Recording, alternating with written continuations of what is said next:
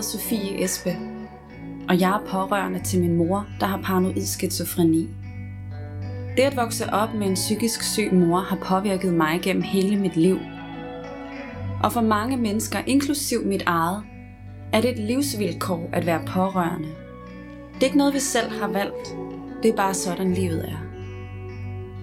Tidligere er jeg kommet til at lukke helt ned for mit eget liv, fordi jeg har været så fokuseret på at være der for min mor. Det gjorde blandt andet, at jeg belastede mig selv så meget, at jeg selv blev ramt af psykisk sygdom. Jeg har det godt nu. Min fortid har lært mig, at jeg skal passe rigtig godt på mig selv. Men det er ikke nemt, og indimellem synes jeg, at livet føles som en kæmpe mavepuster. Jeg kan ikke ændre på det faktum, at min mor er syg, og at jeg som pårørende løbende bliver sat i pressede og svære situationer. Men jeg kan sørge for, at jeg hverken brænder helt ud, eller brænder inde med en masse tanker og følelser. Derfor har jeg lavet den her podcast. For hvis det kan fylde så meget i mit liv, må det også fylde i andres, tænker jeg. Og hvis vi taler åbent og ærligt om det at være pårørende, kan vi måske spejle os i hinanden og forhåbentlig føle os mindre alene om alle de bekymringer, frustrationer og magtesløsheden, der følger livet som pårørende. Jeg er nysgerrig på at vide, hvordan andre takler det. Derfor taler jeg i den her podcast-serie med forskellige pårørende og fagpersoner, og deler ud af mine egne oplevelser som pårørende. Velkommen til.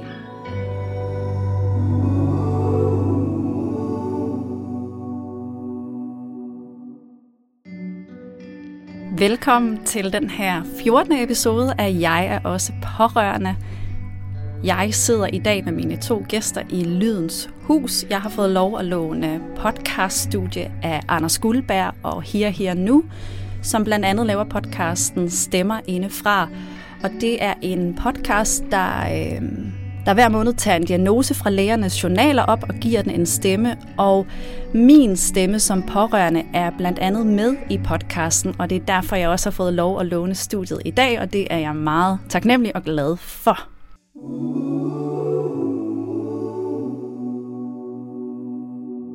Jeg har fornøjelsen af at have to søde gæster på besøg. To kvinder, et makkerpar, som øh, har specialiseret sig i at hjælpe pårørende.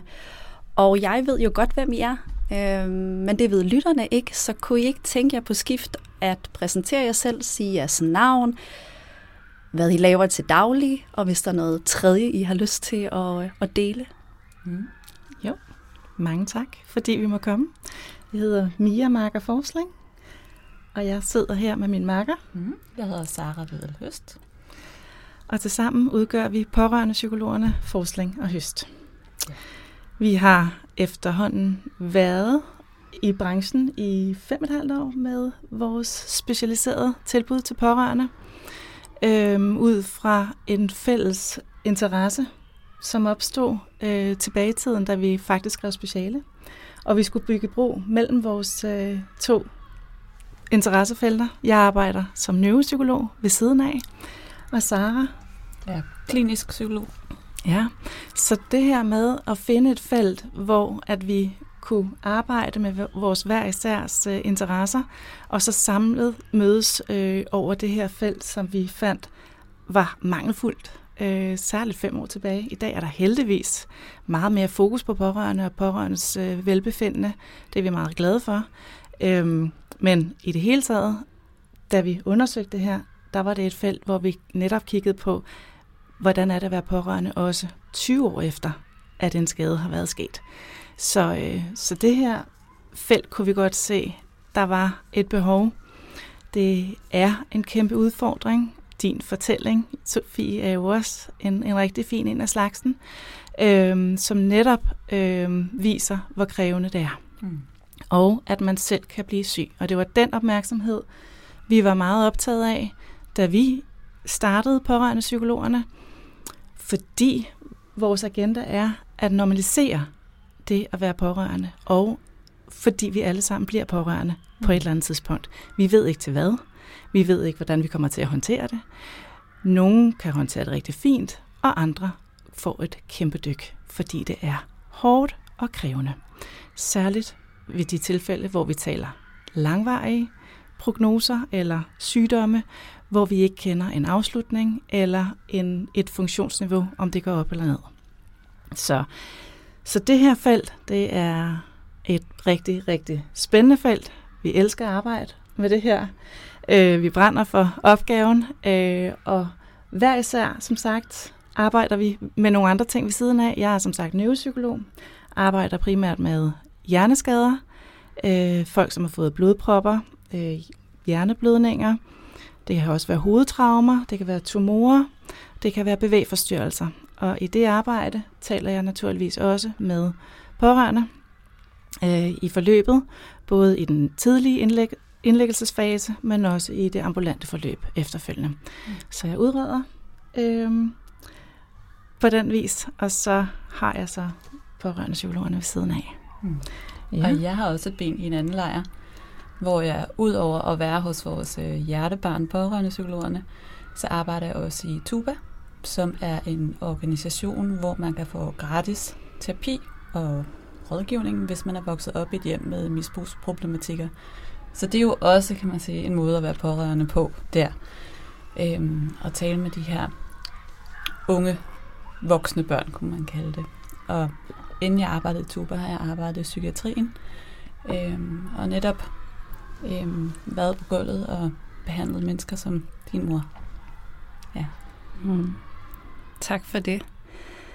Det er, øh, det er så dejligt at øh, møde nogen, der ligesom har specialiseret sig i det her emne i lidt forskellige retninger, men alligevel har I, har I de pårørende som, øh, som sådan fælles øh, agenda. Mm. Øhm, og det vi skal tale om i dag, det er lidt nogle af de her følelsesmæssige og mentale processer, der går igennem pårørende, og måske også nogle af de her udfordringer og problematikker, som man som pårørende står med, når man oplever at blive pårørende til et menneske med en psykisk sygdom. Mm. Så vi skal lidt mere specifikt tale om, hvordan det er at være pårørende til et menneske med psykisk sygdom, fordi det er det, den her podcast, jeg er også pårørende, mm. handler om. Mm. Og I beskriver noget, der hedder den ufrivillige opdagelsesrejse, som en pårørende skal ud på, når vedkommende bliver pårørende mm. øh, til et menneske med en psykisk sygdom. Og jeg ved, at den består af nogle forskellige tematikker og øh, nogle forskellige processer. Og øh, jamen, jeg tænker faktisk bare, at jeg vil give jer ordet, for det er jer, der har den her, øh, den her viden. Ja. Ja, og man siger, det var jo... Øh, det var på en måde en anelse svært at vælge, hvad vi skulle tale om. Og, og vi landede på, på den her, den ufrivillige opdagelsesrejse, fordi det er noget, vi oplever igen og igen, giver mening, når vi taler med pårørende. Øhm, og netop fordi det er en, man siger, en ramme, der beskriver de følelsesmæssige processer, som man som pårørende som regel kommer igennem. Det er ikke en model, den er ikke evidensbaseret, det er ikke en videnskabelig teori, det er, det er simpelthen en rammeforståelse, som vi har skabt ud fra den erfaring, øh, vi har med at, at tale med pårørende, og det vi kan vi ofte oplever øh, og se øh, inde i vores praksis. Så det skulle, det, den del skal vi lige have på, have på plads. Ikke? Så, hvis, øh, så vi skulle nok, vi kan nok kalde det for en, en ramme, en rammeforståelse. Yes. Øh, vi har også en, øh, en, en lille model, som vi plejer at tegne på tavlen, og der tænker vi, at du får en lille tegning, som du kan, som man kan se. Den lægger jeg op på Instagram. Ja, nemlig. Men den her øh, rammeforståelse, den har ligesom fire, fire processer, kan vi kalde dem. Øhm, og de ligger som regel i en vis rækkefølge. Det er ikke altid det sådan, det er, men som regel. Øhm, det tror jeg, at man vil opleve tit, når man taler med psykologer, at det er meget svært at, sige, at få nogle psykologer til at sige, sådan er det lige præcis, fordi vi jo netop taler med individer, og alting er individuelt. Så derfor så bliver det altid lidt farligt at begynde at generalisere og hive tingene op på et højere plan. Men overordnet kan man sige, at den her øh, rejse, man kommer ud på, den har de fire punkter, øh, hvor det første er, at man har behov for at skaffe sig viden. Når man bliver pårørende, så bliver man nødt til at skaffe sig viden om, hvad er det her for noget. Derefter så bliver man nødt til at få en forståelse ud fra den viden, man har skaffet sig. og sige, men, men hvad, hvad, hvad så? Hvad betyder det så, det her? Øhm, og det næste punkt er, at så med den her viden og den her forståelse, jamen så vil der komme en erkendelse af, men hvad, hvad, hvad betyder det så for mit liv? Øhm, og hvordan kommer det til at blive fremover? Og derfra vil det så for de fleste forhåbentlig være muligt, det er jo det, der er vores arbejde, at hjælpe øh, pårørende til at komme til en form for accept. Og det er nødvendigvis ikke, at så skal jeg acceptere, at alting er, er, øhm, er som det er. Så skal jeg bare være glad for, at øh, min mor for eksempel er i live. Øh, og, øh, og, at, øh, og det var fint nok, hun blev syg. Det er ikke accept på den måde. Men at nå frem til en accept af, det her det er et livsvilkår, og nu skal jeg lære at leve med det på, en, på den bedst mulige måde. Så det er sådan de fire punkter. Øhm, og så tænker vi, at øh, vi vil gå lidt mere dybden med dem hver især.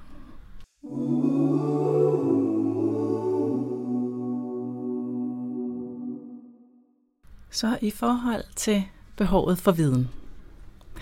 Øhm, viden er fuldstændig afgørende for øhm, betydningen af, hvad er det her, jeg står i? Hvad er det for en diagnose, min mor har fået, som i dit tilfælde? Øhm, hvad er det for en prognose? Øhm, er det evigt? Er det noget, der bliver bedre? Kan medicin hjælpe? Øh, meget ofte er vi her afhængige af, at øh, læger eller psykiatere eller andre fagpersoner kan udtale sig om, hvad det er for en ny situation, vi opstår, altså der er opstået. Så er der spørgsmålet, om det er noget, som har været en langvarig proces. Er det noget, der ligesom har, har, har været over mange år, uden at der har været en, en diagnose? Så kan en diagnose nogle gange være en lettelse at få, fordi den kan give mening. Lige pludselig forstår vi, hvad det er for en, for en ramme, vi lige pludselig øh, oplever verden indenfor, fordi det får et nyt sprog, som vi måske ikke har haft. Eller er det noget pludseligt, hvor at, at nu er der en ny situation, som vi skal forholde os til. Øhm, begge kræver viden. Hvad er det for en sygdomsforståelse? Hvad er det for et, et, øh, en byrde, der pludselig rammer en familie? Det er jo ikke kun den, som bliver syg, som bliver ramt. Det er jo netop også hele systemet, og når jeg siger systemet, så mener jeg familien øh, omkring, og det kan også være venner og arbejde. Øh, hvordan agerer den ramte? Er der stadigvæk et, et arbejdstilhør, eller og hvordan agerer de i familien? Hvordan viden om, hvordan øh, handler den ramte øh, i forhold til ændre adfærd, ændre personlighed, øh, bliver trist, bliver noget andet. Hvordan handler de pårørende på det? Så det er viden i mange spor, vi taler om her. Øh, og det, der er så interessant, det er netop, at den her viden kan være meget forskellig for de forskellige individer i familien. Så, så, så viden kan, kan opleves forskelligt, om man er en bror eller en søster, en ægtefælle, en mormor, en farmor, hvem som helst i familien kan have en forskellig opfattelse af, hvad den viden gør ved en. Øhm, så reaktioner og handlingerne hos de forskellige parter kan være afgørende for, hvordan vi forstår og anvender den viden, vi står med.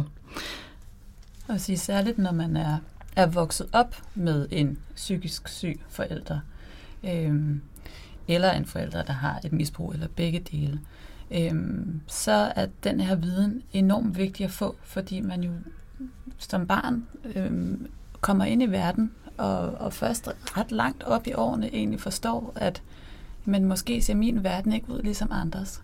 At man på en eller anden måde tager den verden, den familie, den familiedynamik, man lever i, tager man for givet, og man kan være vokset op i noget, der er enormt dysfunktionelt, uden at vide det. Så det her med at få viden om, hvad er egentlig sygdom? Altså hvad er for eksempel skizofreni? og, og hvad er mund personlighed? Ikke? Øhm, og, for, og kunne få, der har man brug for lige præcis den her viden for at kunne skille tingene ad og kunne begynde at sige, okay, der har faktisk været noget i min familie, som var helt anderledes end hjemme hos andre. Og det var nok den her øh, psykiske lidelse, der satte præg på, at hele familiesystemet blev meget, meget dysfunktionelt. Så derfor så er det der, man bliver nødt til at starte for overhovedet at få, få skilt skidt fra kanel, havde jeg sagt. Og jeg tænker også, at når man er barn, som i mit tilfælde til en forælder med en psykisk sygdom, så forestiller jeg mig, at man har brug for andre voksnes hjælp til at få den her viden. Det er lidt mere tilgængeligt, hvis man er voksen. Ja. Øh, der er man lidt mere bevidst og, og lidt mere måske øh, psykisk robust til at, at finde hoved og hale i det. Men mm. når man er barn, så, øh, så er det meget ansvar at, ja. at skulle få den her viden, tilegne sig den her viden. Ja. Har I nogle erfaringer med børn, eller hvordan man skal agere i det her mm. scenarie? Altså du tænker, hvis man for eksempel har børn og har en psykisk syg partner, for eksempel? Eller, ja, eller ja. hvordan skal man øh, forholde sig til det her med at få viden? Så arbejder man sammen som familie. Mm. Ja. Altså det vigtigste er, at børnene ikke bliver givet nogen form for ansvar for den syges øh, velbefindende. Øhm, det er punkt nummer et. Det skal være de voksnes ansvar. Øhm, børnene skal ikke have ansvaret for, at den psykisk syge forælder har det godt. De skal ikke være den, der skal gøre dem glade. De skal ikke være den, der skal underholde. De skal ikke være den, der skal holde øje. Ligesom du fortæller i din historie, at du har skulle holde øje med din mor. Ikke? Øhm, det giver sidenhen nogle, det kan i hvert fald sidenhen give nogle, nogle ret store udfordringer i forhold til at kunne bevare sin egen integritet. At man har fået en opgave, der er for stor til at løfte som barn. Ikke? Øhm, så det bedste, man kan gøre, er at tale med børnene på en måde, øhm, så de forstår, men stadigvæk ikke at give dem et ansvar. Altså de skal simpelthen, øhm, de skal have tingene forklaret, fordi ellers så skaber de jo deres egen forståelse af tingene, eller så tager de tingene for givet, at det er det, der er normalen. Ikke? Lige præcis. Øhm, og der er rigtig mange foreninger, der faktisk gør et rigtig godt stykke arbejde ved sind, har masser af børnemateriale, som man faktisk kan, kan, kan få hos dem, om hvordan man taler med børn om, om psykiske lidelser, og at, og at vi skal tale om det.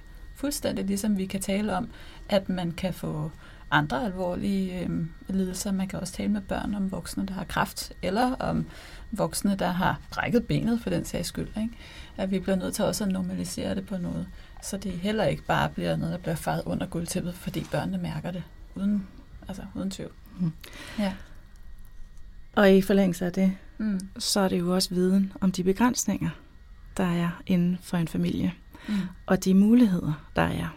Øh, vi hæftede os særligt i din fortælling også, som du sagde, jamen der var ro, når mor var væk, og der var ikke ro, når mor var hjemme. Så var der nogle andre muligheder, når mor var indlagt.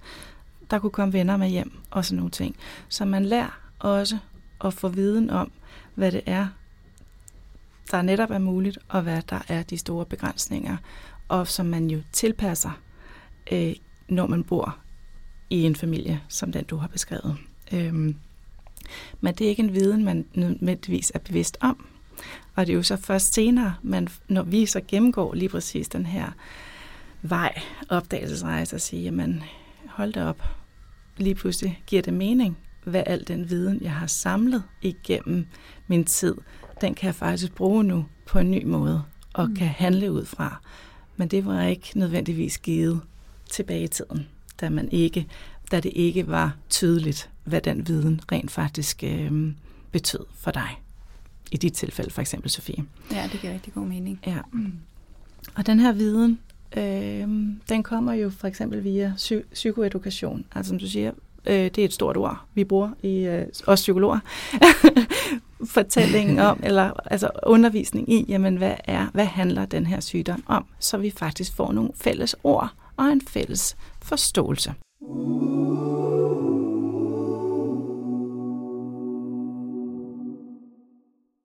Så på baggrund af viden, så kan vi rykke videre til næste punkt i, øh, i vores øh, en lille rammeforståelse her, som netop handler om forståelsen.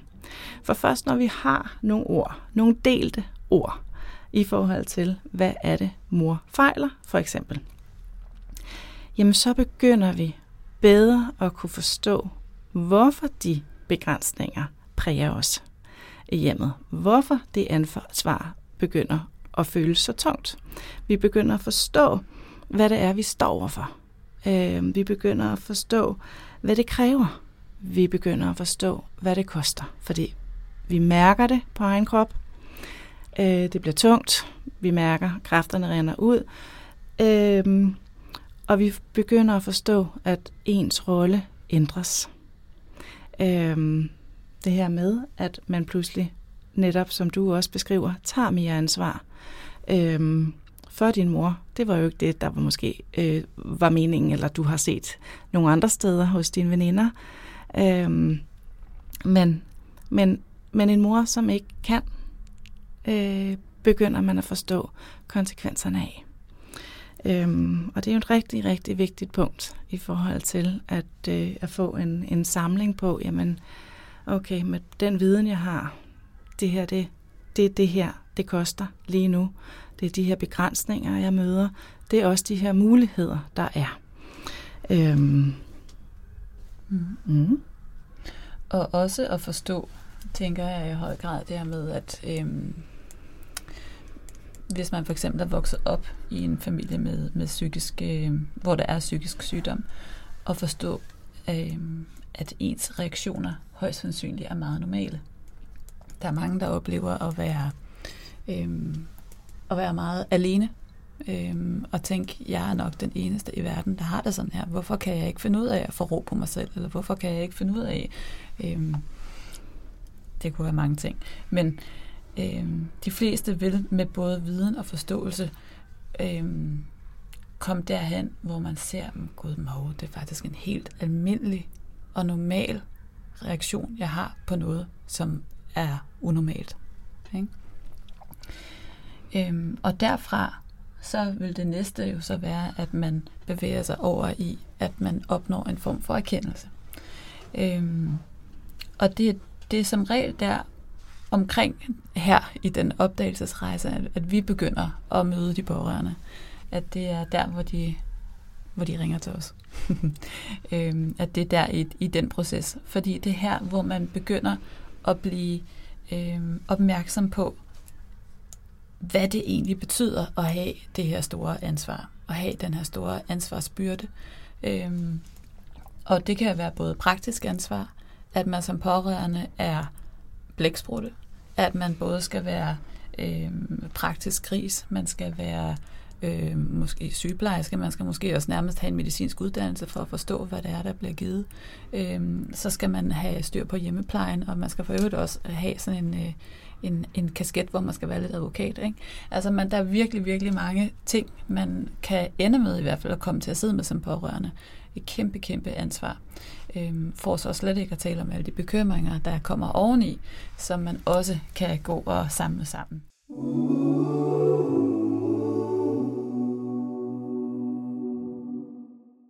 Så det er ofte her, at når man erkender, jamen, øhm, erkender den her øhm, ansvarsbyrde, at man også erkender et behov for at række ud. Øhm, det kan være et behov for aflastning, eller det kan være et behov for hjælp. Og det er jo så der, vi kommer ind i billedet for nogen. Andre finder hjælp på andre måder. Øhm, og det er ofte også her, at man vil begynde at gøre sig nogle tanker om, jamen, hvad, med, hvad med fremtiden? Altså netop, når man erkender, at det her, det er faktisk benhårdt, at man også gør sig nogle tanker om, hvor længe kan jeg blive ved med det her? Øhm, som jo er med til at hjælpe processen i også at gøre noget andet. Så det, på den måde er det også et rigtig vigtigt punkt i den her opdagelsesrejse, at man erkender, hvad er det egentlig, der sker, og endnu vigtigere, hvad betyder det for mig? Øh, fordi de første to punkter handler jo rigtig meget om, hvad sker der over hos den ramte eller hos den syge, forstå, hvad hvad er, hvad er sygdom for noget, og, og, og hvad betyder det for vores familiekonstellation, og, og, og begrænsninger og muligheder osv., hvorimod erkendelsen ofte vil handle mere om en selv. Øhm. Og også en meget sorgfuld proces rigtig ofte, fordi at man også her mange erkender, mm. at de ikke kan mere. Ja. At, øh, at, at der simpelthen ikke er kræfter, at opgaven er alt for stor, at øh, det, man havde sat sig for, er fejlet, og nu siger jeg det i, i situationstegn, fordi, men, men fornemmelsen af, at fordi det ikke er mig, der er syg, så bør jeg kunne gå den ekstra mil, men lige nu kan jeg heller ikke, og jeg bliver også præget. Mit humør er også dalet. Jeg har måske også mødt, løbet ind i en depression eller angsttilstand eller andet, som vi jo desværre også ofte kan se hos pårørende. Øhm, så det her, den her erkendelse af, at jeg magtede ikke, mm. og jeg kan ikke blive ved, er ofte en rigtig, rigtig hård erkendelse. Øhm, og meget, ja, det kan jo være forbundet med alle mulige følelser, men, men, men den her sådan, følelse af magtesløshed ofte, fordi at man simpelthen står over for en opgave, der er for stor, man er for stresset, for længe. Øhm, det handler om erkendelsen af, at man selv har behov for hjælp, fordi kræfterne ikke rækker til længere. Mm. Og det, øh, som du siger, det vil jeg gerne knytte en kommentar til, fordi at jeg desværre tror, at det, som der skete for mig, er ret øh, genkendende for rigtig mange pårørende, for jeg kan se mig selv rigtig meget i det, du fortæller, eller det I begge to fortæller, at man når ligesom til sådan et punkt, hvor man virkelig rammer muren, mm. hvor man er så udbrændt, eller har det så dårligt, eller er så ulykkelig, eller selv, som, som du også sagde, Mia, har tegn på at have udviklet noget psykisk sårbarhed, at der måske ikke er nogen vej. Der er ikke nogen anden udvej end at erkende, hvad er det, der sker nu, hvad er det, der, er, der udfolder sig i mit liv lige nu. Men desværre er det jo bare sådan, så at der er, altså at mange pårørende selv ender med at skulle blive syge, mm. før at før de indser, hvad det er for et ansvar, der ligger på den her pårørende rolle. Og det tænker jeg, det er også det, I har erfaringer med ved at tale med pårørende, at det er sådan, det forholder sig. Ja. Jeg tror, at der er virkelig mange pårørende, som har hørt den der, pas nu på dig selv. Husk nu at passe på dig selv. Øhm, det er noget, som hele sundhedssystemet og dem omkring os er rigtig gode til at sige. Husk nu at passe på dig selv. Øhm, det er de i hvert fald i dag. Det er ikke sikkert, de har været det tidligere. Øhm, men mange pårørende øhm, ved simpelthen ikke, hvordan. Altså, øh, og, og det er noget, som, øh, som sundhedssystemet skal blive bedre til, og som vi også skal blive bedre til, alle sammen. Øhm, og, og prøve at finde ud af, men, at, at være lidt mere sådan specifikke, når man giver det råd, ikke? eller giver den påmindelse. At, øh, at det er noget, som der i stor stil mangler i vores sundhedssystem, fordi der ligger så stor en byrde på de pårørende i dag. Og så kan vi jo tale om, hvorfor det måden er sådan, om et, et system, der er udsultet og, og så videre. Det er en helt anden, større politisk snak. Men summa summarum, så ligger der rigtig meget på de pårørende, og der er ikke særlig meget støtte til de pårørende indbygget i systemet til at finde ud af, hvordan i alverden håndterer jeg det her ekstra fuldtidsjob, jeg lige fik oven i det andet, jeg måske havde i forvejen. Øhm, ja, så det er, og, og det er jo dejligt, at så der så er nogen som dig for eksempel, der tager det op i, sin, øh, i din podcast, det her med egenomsorg eller selvomsorg, tror jeg, du kalder det. Ikke? Men hvordan, hvordan pokker gør man det? Ikke? Og det er jo også det, som vi prøver på at, at hjælpe de pårørende til, når de kommer ind til os og netop er nået til den her erkendelse af, nu er det for meget, jeg kan simpelthen ikke mere. Øhm, og øhm, ofte så kommer de pårørende ind til os og siger, jeg vil gerne have hjælp til at få nogle flere kræfter, så jeg kan blive ved med at være der. Øhm, og så smiler vi lidt, ligesom du gør nu. og, øh, og, og må så ofte sige, men det er ikke sikkert, at vi kommer til at hjælpe dig med det. Øh, måske kommer vi til at hjælpe dig til at, at kunne give lidt slip på noget af det her ansvar. Måske kommer vi til at hjælpe dig til at kunne uddelegere noget af det. Men selvfølgelig skal vi også arbejde med at finde nogle kræfter til dig igen. Øhm, men ofte vil det jo indebære, at man skal finde nogle timer til sig selv i løbet af de der 24, man har i døgnet, som sjældent er nok, når man er pårørende, og måske også arbejde og familie ved siden af. Ikke? Øhm, så der er tit en, en lille sådan øh, en lille diskrepans mellem, hvad vores øh, hvad dem, der kommer ind af døren hos os, ønsker, og hvad de går ud med. Men jeg vil våge at påstå, at en stor del af dem er ret tilfredse med det, de får alligevel. Men det er jo også en erkendelse af, at mange vi møder sidder jo og, og kigger simpelthen, hvad, hvad har du holdt af? Hvad har tidligere givet dig kræfter? Hvad har mm. tidligere givet dig energi? Hvad har tidligere givet dig glæde? Så sidder de lidt. Jeg kan faktisk ikke huske det. Øhm, så den her fornemmelse af at have været i pårørende-rollen i så mange år, og det er folk, vi møder, er ofte, det er for ofte mange år inde i et, et sygdomsforløb, at, at, øh, at kræfterne slipper op.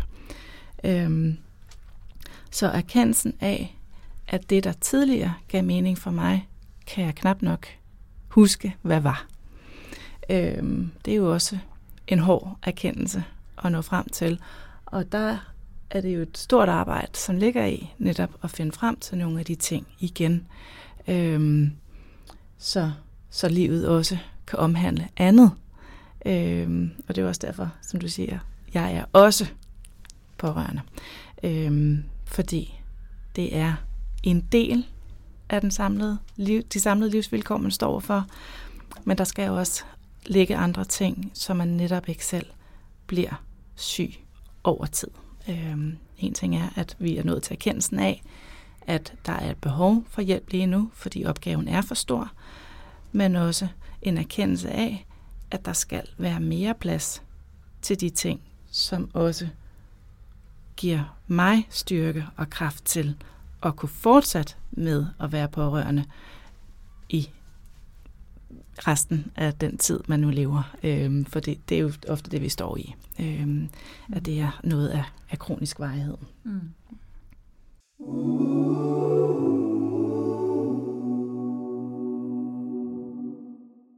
Og, og der bliver man jo så nødt til at bevæge sig over i den her accept. Sidste, øh, sidste trin på stigen, havde jeg nær sagt. Øh, og, og komme dertil, hvor man kan acceptere, at det er et livsvilkår at være pårørende.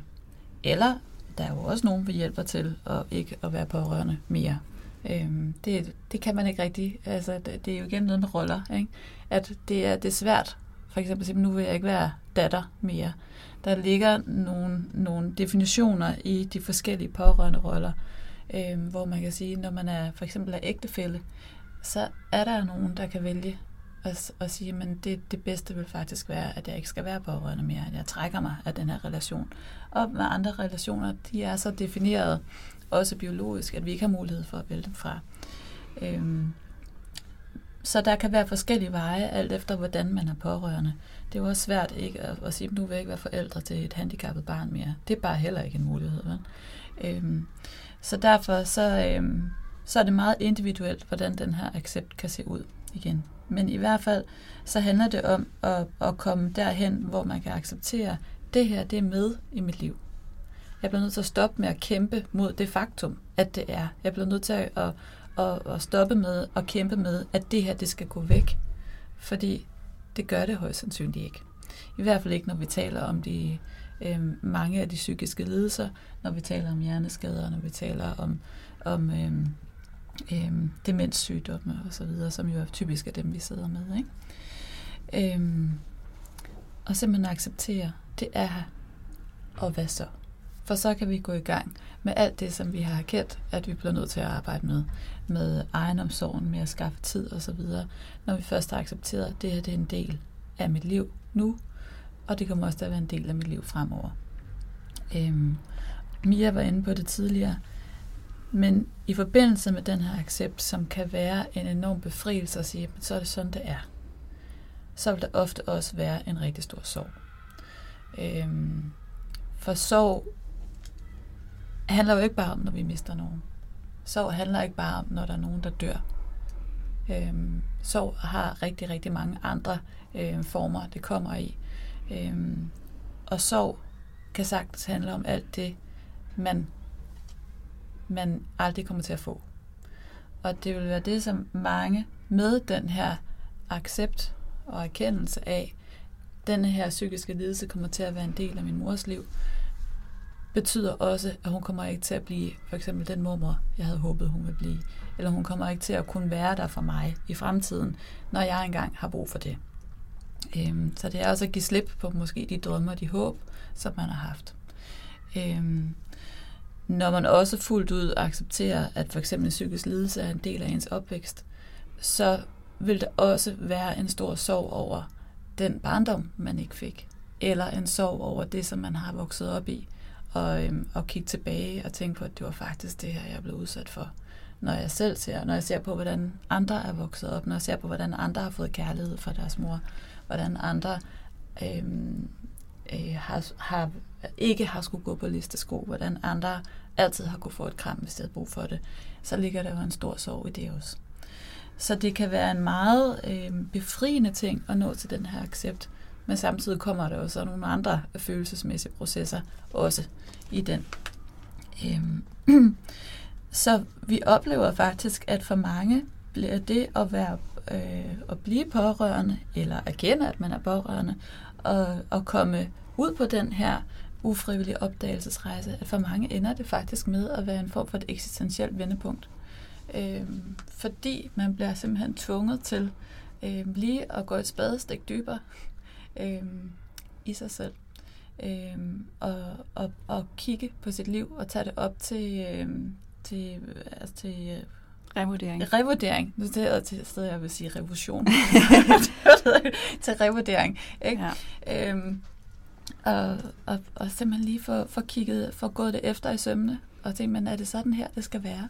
Fordi der kommer det her ind fra højre, som man ikke havde bedt om. Ikke? Øhm, som jo så enten kan være noget pludseligt, eller noget, man, man opdager på et tidspunkt, øhm, at, øhm, at noget er anderledes. Og for de fleste er det faktisk ret sent, når man vokser op med en eller anden form for psykisk lidelse. Det er som regel først op omkring teenageårene, at det går op for de fleste, at der er sådan for alvor, at tingene er helt anderledes. Det ved jeg ikke, hvordan det var for dig, om det også var sådan deroppe. Nej, øh, jeg var ældre, og ja. det jeg også hele tiden har tænkt på, når jeg hører jer fortælle om den her rejse, det er, øh, det får mig selvfølgelig til at reflektere over min egen mm. øh, opvækst og min egne kår øh, ja. som pårørende, ja. at, at det, der har særligt manglet for mig, når jeg ser tilbage, det er viden ja. og forståelse. Ja. Altså de to led. Ja. Fordi mine forældre snakkede ikke med mig og mine søskende om den psykiske sygdom. Ikke sådan rigtigt. Der var ikke nogen i systemet, der hjalp os. Der var ikke nogen i systemet, der hjalp os til at, at sætte ord på, eller bare informere om, hvad det er, der er på spil. Hvorfor mor er syg, eller mm. det er som regel ikke det, man kan, kan besvare. Men øh, hvad den her diagnose betyder, eller har konsekvenser. Så den der indsamling af viden, den manglede, har jeg manglet rigtig meget, men jeg har ikke været klar over det. Nej. Øh, jeg har ikke været bevidst om det, så derfor skulle der nok gå næsten 15-20 år før, mm. at jeg nåede til selverkendelsen og accepten. Ja. Og jeg tænker lidt, kan man, kan man være for uden, at det skal gå så lang tid? Altså jeg tænker lidt af den der viden, den er mm. utrolig vigtig. Ja, det, det er første det er det. ben. Ja, ja, ja. det er udgangspunktet. Ja. Det er svært at nå til en erkendelse og en accept af noget, som man ikke ved, hvad er, ja. og, ikke, og, og ikke ved, hvordan øh, indvirker på ens liv. Og som barn er det nemlig, og det var også det, jeg, jeg hentede til i mit mm. første spørgsmål ja. til dig, ja. at det her med, jamen som barn er det rigtig svært at finde hoved og hale i, hvad er det for viden, jeg skal søge, ja. hvis man ikke får hjælp ja. af det af nogle andre voksne. Ja, eller, lige præcis. Øh, ja at der har du manglet, at der var nogen, der talte til dig i et barnesprog, ja. der kunne sige, der er den her sygdom, som gør det her ved mor. Og når sygdommen gør det her ved mor, gør det det her ved vores familie. Ja. Det er ikke dig, der er noget i vejen med. Øhm, og når børnene ikke får de her redskaber, så udvikler de de her meget, meget lange antenner. Mm. Og bliver sådan nogle antennebørn, ja. ikke? som kan Absolut. mærke alt. Og det er jo nogle antenner, som man udvikler, fordi det har man brug for mm. for at kunne overleve i sådan et miljø, hvor tingene kan være uforudsigelige, hvor man ikke kan vide, hvad er det, jeg kommer hjem til, øh, hvor man bliver nødt til at stole på sin mavefornemmelse, når man bliver nødt til at åbne døren, og så mærke stemningen, inden man træder ind, for at vide, hvordan skal jeg opføre mig i dag. Kan jeg, kan jeg godt bare gå ind og smide tasken, eller skal jeg liste forbi? Ikke? At man allerede kan veje det bare i luften, mm. ind, når man åbner døren. Hvad er det for en dag i dag? Ikke? Mm. Det har jo været livsnødvendigt at have de der antenner. Mm. Og dem mhm. udvikler man, hvis man ikke får redskaber til og forståelsesrammen til at vide, det er ikke mit ansvar, om mor har en dårlig dag. For hvis mor har en dårlig dag, så skal far nok passe på mig. Eller så sørger far for, at mor, hun bliver inde hos sig. Eller så ved jeg, at der er nogen, der, der tager sig af mig. Ikke? Øhm. Eller en skolelærer, ja. eller en mormor, eller mm. nogle andre øh, betydningsfulde voksne, som kan i større grad måske hjælpe familien mm. til at, øh, at give nogle andre billeder af, hvordan det også kan være, mm. øhm, når mor ikke kan. Mm. Øhm, så, så der ligger jo også et, altså en stor mangel, tænker jeg, i forhold til netop det her med at, at forstå og egentlig at tale om. Mm. Øhm, og tale åbent om de her ting. Øh, og det er jo også derfor, at den her viden ofte er, er meget sparsom. Øh, og det er noget, man ikke deler med børn, fordi øh, hvordan kan man sige de her ting i børnehøjde? Ikke? Altså det tror jeg, der er sådan en, den indledende frygt. Øh, at, øh, at det er meget voksent på en eller anden måde. Mm. Øhm, men, øh, men det kunne jo netop være dejligt, hvis, hvis der var en åbenhed også i familien omkring, mm. at skolelæreren kunne være lidt mere opmærksom, eller en fed øh, fritidsklub medhjælper, eller nogle andre voksne, som børnene også kunne, kunne bruge til at, at, at spejle sig i, og, og, og kunne se, hvordan agerer andre øh, som et alternativ til det, jeg ser derhjemme. Mm. Og på den måde få en, en, en bredere forståelse af, mm. at verden også kan være anderledes. Ja. Så det er noget af det, som jeg bruger meget tid med, øh, både Tuba, men også øh, med hvad man siger, mange af de øh, voksne børn af familier med psykisk sygdom, som jeg ser hos pårørende psykologerne, er meget af det, vi bruger tid på, er i virkeligheden at pakke de der antenner ned. Ikke? Mm. Øhm, og begynde at arbejde på, nu har jeg alle de her antenner, som strider i alle mulige retninger, og jeg læser alle, når jeg kommer ind i et rum. Jeg kan altid mærke en stemning, og det kan være enormt belastende at have det sådan, når man hele tiden er ude og læse andre. Øhm, at, og at en stor del af arbejdet kan handle om det her med, hvordan et, hvordan lukker jeg ned for dem, og to, hvordan vender jeg dem indad og mærker mig selv, i stedet for at mærke alle mulige andre. For der er faktisk også rigtig mange vigtige beskeder derinde, som man skal, man skal lytte til, for at, at kunne have det godt. Øhm, men hvis man vokser op med, at man bliver nødt til at bruge alle ressourcer på at sende antennerne ud, nu sidder jeg og strider med alle fingrene, ikke? fordi man virkelig har alle antennerne ude, når man er vokset op i et hjem, der er uforudsigeligt og dysfunktionelt. Øhm, så, så er det noget af en opgave, man står overfor at få dem vendt indad. Og hvis man ikke har set, at ens forældre har gjort det, hvis man har set en forælder, der bare har knoklet derud af for at holde familiesystemet kørende, og en anden forælder, som ikke har kunne passe på sig selv, fordi vedkommende har en psykisk lidelse, jamen hvordan pokker skulle man så have lært det? Man, altså, man, man ser, hvordan ens forældre gør, og så kopierer man, og man tilpasser sig. Man udfylder ligesom den plads, der er i systemet. Og hvis det er, at man er den lille hjælper eller den lille udklatter, så skal jeg love for, at der kommer nogle, nogle meget lange antenner. Ikke? Øhm.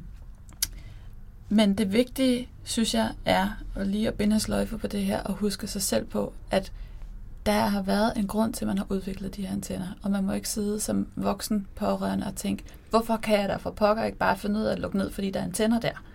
Øhm, for det har haft en livsvigtig funktion. Hvis man ikke havde udviklet de her antenner, så havde man ikke kunnet overleve det her, og så havde man ikke fået det, man havde behov for. Man havde ikke fået den opmærksomhed, og man havde ikke fået den kærlighed, når den lige var der. Øh, man havde ikke fået den anerkendelse. Så derfor er det også vigtigt at huske at sige tak til de der antenner. Tak, fordi I passer mm-hmm. på mig, men nu har jeg ikke brug for jer mere. Ikke? Så det her med at, at, at, at kunne være lidt venlig over for sig selv, og også at minde sig selv om, de er der af en grund. Og tak for det. Men nu skal vi finde på noget andet.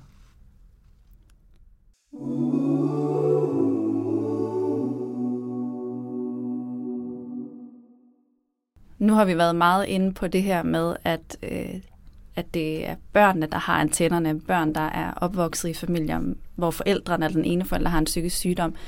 Jeg ved, at der er rigtig mange, der lytter til, jeg også pårørende, der er forældre til børn, der har øh, en psykisk sygdom.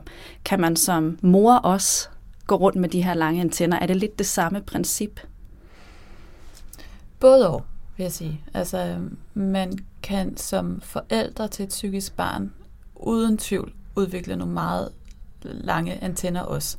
Øhm, men forhåbentlig så har de fleste, når, de, øh, når den alder, hvor de får børn, har vi udviklet en eller anden form for fundament.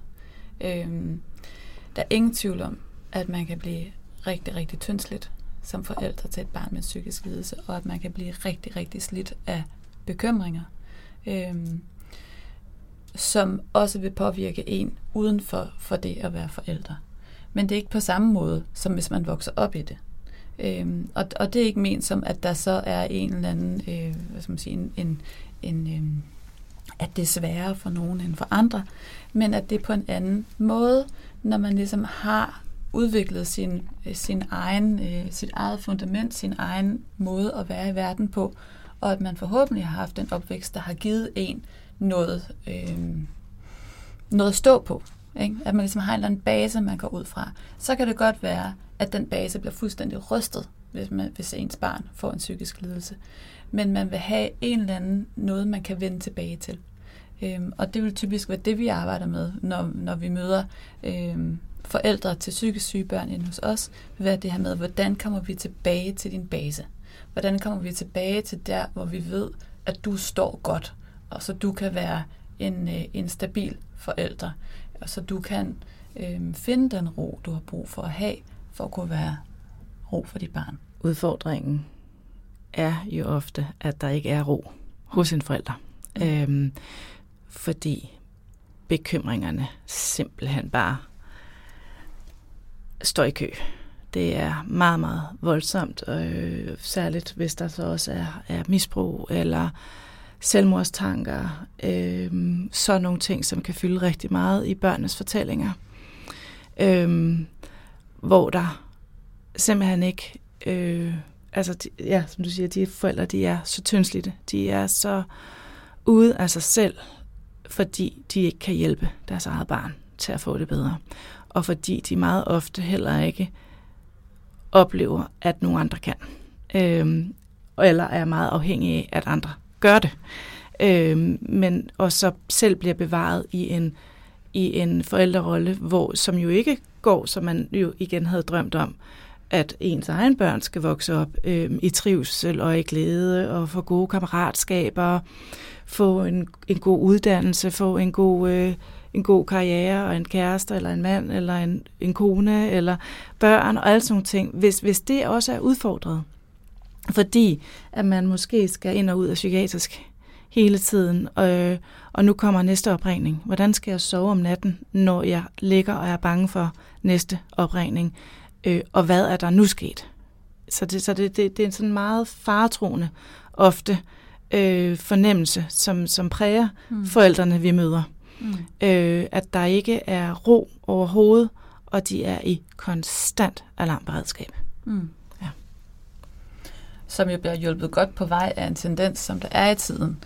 Øhm, men øhm, der er nogen, der kalder det for forældredeterminisme. Ikke? Altså, at der simpelthen er sådan et stort pres på forældre øhm, i det hele taget for, at, at vores børn skal lykkes og det er vores opgave, og det primært er, altså det kun er forældrene, som er sådan helt glemmer hele systemet rundt omkring. Ikke?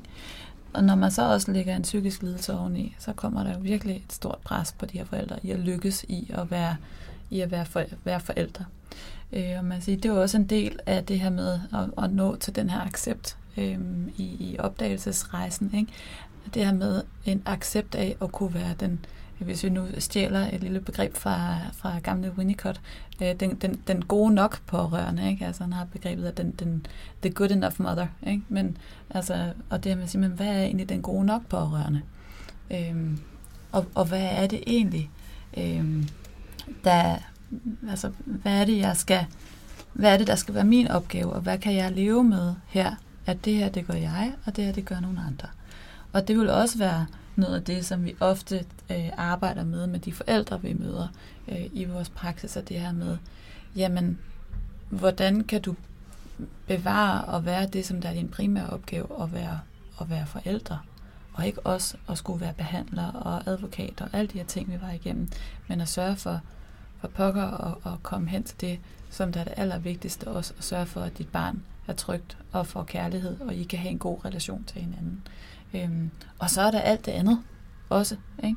Men det her med at nå frem til, hvornår kan jeg være, hvornår kan jeg sige, men nu har jeg, nu har jeg gjort det så godt jeg kunne, og så er det okay, at jeg ikke kan mere. Øhm, og kunne, kunne acceptere det. Ja. Nu kommer jeg vidt omkring på antennespørgsmålet. Jamen, det er så fint. så egentlig, det I gør, som jeg hører, I siger ved, når I taler med, med pårørende, det er også at lære den pårørende selv at at erkende, at man ikke behøver at være den aller, aller bedste pårørende, men at man kan være den gode nok pårørende, og ja. det er så okay. Ja. At, at aime for det, ja. og ikke nødvendigvis meget mere. Ja. Det vil, altså, vi, vi stiler efter at finde langtidsholdbare løsninger ind hos os. Og det vil, øh, det vil oftest være en mere langtidsholdbar løsning at være den gode nok pårørende, end at forsøge at være den perfekte pårørende. Fordi det er der ikke nogen, der kan holde til. Og jeg tænker, det er også vigtigt, at vi lige får sagt i forbindelse med den her forståelsesramme, at, at øh, rejsen er jo ikke slut, når man når til, øh, til accept. Nej. at så når, vi, så når vi hen til accept, og så, er, og så er alting godt. Fordi sådan fungerer livet jo desværre ikke. Livet kan godt være godt. Ingen tvivl om det. Men, øh, men livet er også foranderligt. Og der sker nye ting hele tiden. Særligt som pårørende, så vil der altid dukke nyt op. Uanset hvad det er, man er pårørende til, så er det meget, meget sjældent, at situationen er statisk. Øhm, så der vil jo komme nye ting. Der vil komme øh, nye... Øh, der kan være udfordringer med bostedet, for eksempel. Der kan være øh, øh, progression i sygdommen. Der kan være øh, ting i ens eget liv, der gør, at man lige pludselig bliver nødt til at forholde sig til det at være pårørende en gang til, for mange af dem, som jeg taler med, er det, når man selv bliver forældre, at øh, så sker der en helt sådan, så øh, vender verden sig lige pludselig på hovedet, fordi man får en ny forståelse af sin egen barndom og sin egen opvækst. Og man får et nyt perspektiv på, hvordan var det egentlig lige mine forældre var over for mig, når man selv skal være forældre. Så på den måde, så bliver vi kastet ud i den her øh, opdagelsesrejse igen og igen og igen. Vi kan i virkeligheden sige, at den er cirkulær, fordi når der opstår en ny situation, jamen så er det det samme, vi skal igennem en gang til. Så skal vi først forstå, jamen først skal vi vide, hvad pokker betyder den her nye situation? Hvad betyder den her udvikling i sygdommen? Øh, hvad betyder det for mit liv og mit pårørende liv, at jeg er blevet mor og lige pludselig har færre timer i døgnet, føles det som? Eller hvad det nu kan være. Man skal have en forståelse for den nye situation, og man bliver nødt til at komme til en ny erkendelse, og det må jo så nødvendigvis føre en ny accept med sig. Og så kan det komme til at lyde som sådan totalt Sisyfos arbejde, ikke? fordi bare sådan, det stopper aldrig. Men det gode er i virkeligheden, at når man begynder at have den her opmærksomhed på de her forskellige processer, så vil man også kende vejen, når der sker noget nyt. Mm. Så man ved, okay, det første jeg skal gøre, det er, at jeg skal skaffe mig viden, og så bliver jeg nødt til at sætte mig ned og forstå, hvad pokker betyder det her. Og jeg har prøvet det før, og, og, og, og prøve at komme, øh, at komme frem til de her erkendelser. Jeg har gjort det her og stykke benarbejde før, så jeg ved egentlig godt, hvad vejen er. Så på den måde, så kan den her lille rammeforståelse skabe mere tryghed og mere forudsigelighed i noget, der kan være så pokkers uforudsigeligt. Og et lille twist til modellen er øh, noget, vi også rigtig, taler rigtig meget med pårørende omkring, det er, at et eller andet sted undervejs på den her ufrivillige opdagelsesrejse, kan der også ligge et punkt, der hedder tilgivelse. Øhm, og folk ved det godt, når, man, når vi taler om det. De sidder, og ja, det kan jeg godt mærke. Det der med også at give slip på nogle af de ting, man nogle gange også har tendens til at hænge ved. Øhm, det kan godt være, at når man som siger, selv tager turen en gang til, nu skal jeg selv være mor, men jo også holdt op, måske kunne finde tilgivelse til sin egen mor i forhold til, hun kunne, hun kunne ikke gøre det, men jeg kan godt gøre det anderledes, og det er også okay. Øhm, så den her med lige at forstå, jamen, er der et, er der et behov for os lige at netop kunne, kunne tilgive undervejs, så, så jeg kan give slip på nogle af de dårlige ting, som jeg måske slæber på. Det er en del af min historie, ja, men det er ikke en, som beriger mit liv fremad. Øh, men det kræver jo rigtig meget øh, arbejde at kunne nå dertil. Men øh, det var lige en, en lille et lille indspark. Et lille og indspark jeg til. synes, det ja. var et rigtig godt indspark, fordi det er jo også, når vi, hvis vi kan formå at tilgive, så bliver den her byrde, eller det her livsvilkår, heller ikke så tungt at bære. Mm. Øhm.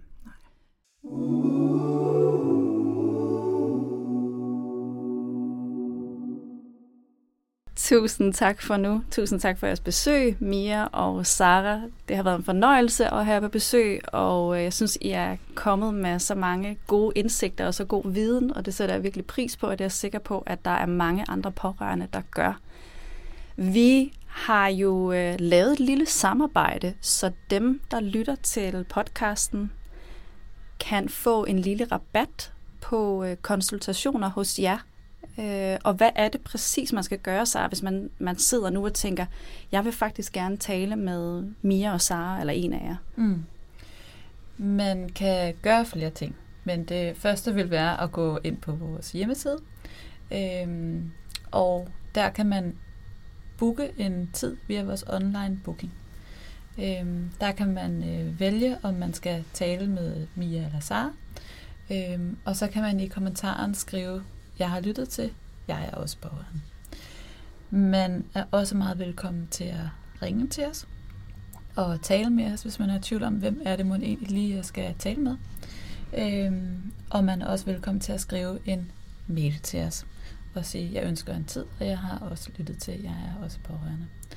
Øhm, og vores hjemmeside hedder www.pårørendepsykologerne.dk og man kan skrive til os på en mail, der hedder kontakt snabelag forsling host, så uden ø, men med o.dk. Og jeg kommer også til at lægge de her informationer op på øh, Jeg er også pårørendes Instagram-profil. Og øh, man kan også skrive til mig, hvis man har nogle spørgsmål, så skal jeg nok videreformidle til jer. Så øh, et tip fra mig er virkelig at øh, tage fat på de her øh, kloge kvinder, hvis man føler, man har et behov for at tale med nogen. Og så er det jo sådan, at hvis man er medlem af Sygeforsikring Danmark, så får man jo yderligere rabat, og øh, den rabat, øh, eller den pris, som øh, lytterne får, er øh, 700 kroner per konsultation i sådan et 3 klippekort. Ja. Så 2.100 i alt. Ja. Men de her informationer, de kommer også til at, øh, at øh, komme ud i et indlæg, som jeg laver på Instagram, så øh, der skal I endelig bare følge med. Endnu en gang tusind tak for nu. Selv tak. Selv tak. Det var en fornøjelse.